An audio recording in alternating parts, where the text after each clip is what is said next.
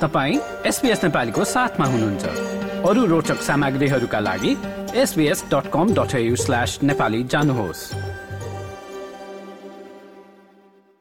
म प्रतिज्ञा अधिकारी।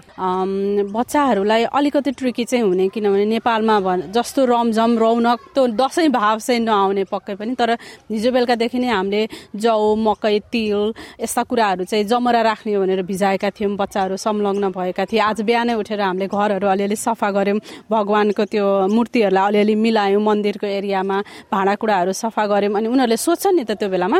अनि त्यो बेलामा चाहिँ आज जमरा राख्ने हो। दस दिनको दिनमा चाहिँ हामी टिका लगाउँछौँ टिका लिँदाखेरि लगाउँदाखेरि ठुला बडाहरूसँग हामी आशीर्वाद लिन्छौँ भनेर जे गर्दै जान्छौँ त्यसलाई सिलसिलाबद्ध रूपमा उनीहरूलाई भन्दै जाने हो। बिदा लिएको छु। सदैव जस्तै यसपालि पनि टिकाको दिनलाई चाहिँ बिदा लिएको छु। सप्तमी अष्टमी विकेन्डमा खासै पर्छ त्यो भएर त्यति धेरै ठुलो कुरा चाहिँ भएन। अनि एक दिन बिदा लिएपछि अब मजाले नै दसैँ मनाउन पाइन्छ भनेर बिदा लिएको छु। आफ्नो परिवारहरूसँग बसेर मनाउने नै हो योजना चाहिँ।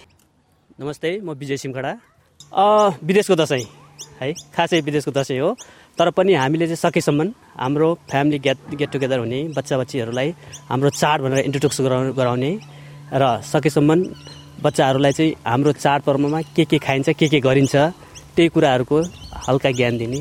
हाम्रो प्यारेन्ट्सहरू र फ्यामिलीहरू चाहिँ मिस नहोस् भनेर हामीले सकेसम्म बच्चाहरूलाई चाहिँ आफ्नो आफन्तहरूमा भेटघाट गराउने अनि सकेसम्म छुट्टी लिएर भए पनि आफ्नो चाडपर्वको बारेमा उनीहरूलाई बुझाउने सिकाउने कोसिस गर्छ। मेरो नाम चाहिँ जीवन सुनवार हो। यसपालि चाहिँ मेरो अलि छुट्टै खालको दसैँको प्रोग्राम छ। नर्मल चाहिँ म आफ्नो फ्यामिलीहरूलाई फ्रेन्ड्सहरूलाई दसैँकै दिनमा बोलाएर हुन्छ नि मिठो मिठो खाने तास सास खेल्ने हुन्छ नि बच्चाहरूलाई कसरी टिका लगाउने के गर्ने भनेर हाम्रो चाडबाडको ट्रेडिसनहरू देखाउँदै तर यसपालि चाहिँ धेरै साथीहरूको नमिल्ने भएर दसैँभन्दा अलि अगाडि नै फ्राइडे ग्यादरिङ छ। अनि त्यसपछि चाहिँ दसैँमा चाहिँ मेरै भाइ बहिनीहरू आउँछन्।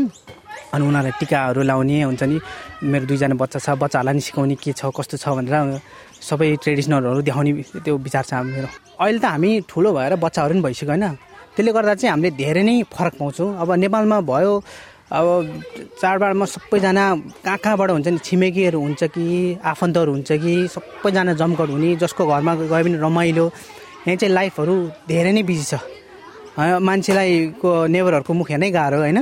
अब त्यसले गर्दा चाहिँ यहाँनिर चाहिँ एक किसिमको आइसोलेटेड दसैँ हो कि जस्तो देखिने कि? यो जस्तै अन्य प्रस्तुति सुन्न चाहनुहुन्छ? एप्पल पोडकास्ट गुगल पोडकास्ट स्पोटिफाईमा हामीलाई खोज्नुहोस् वा तपाईँले पोडकास्ट सुन्ने अन्य सेवामा।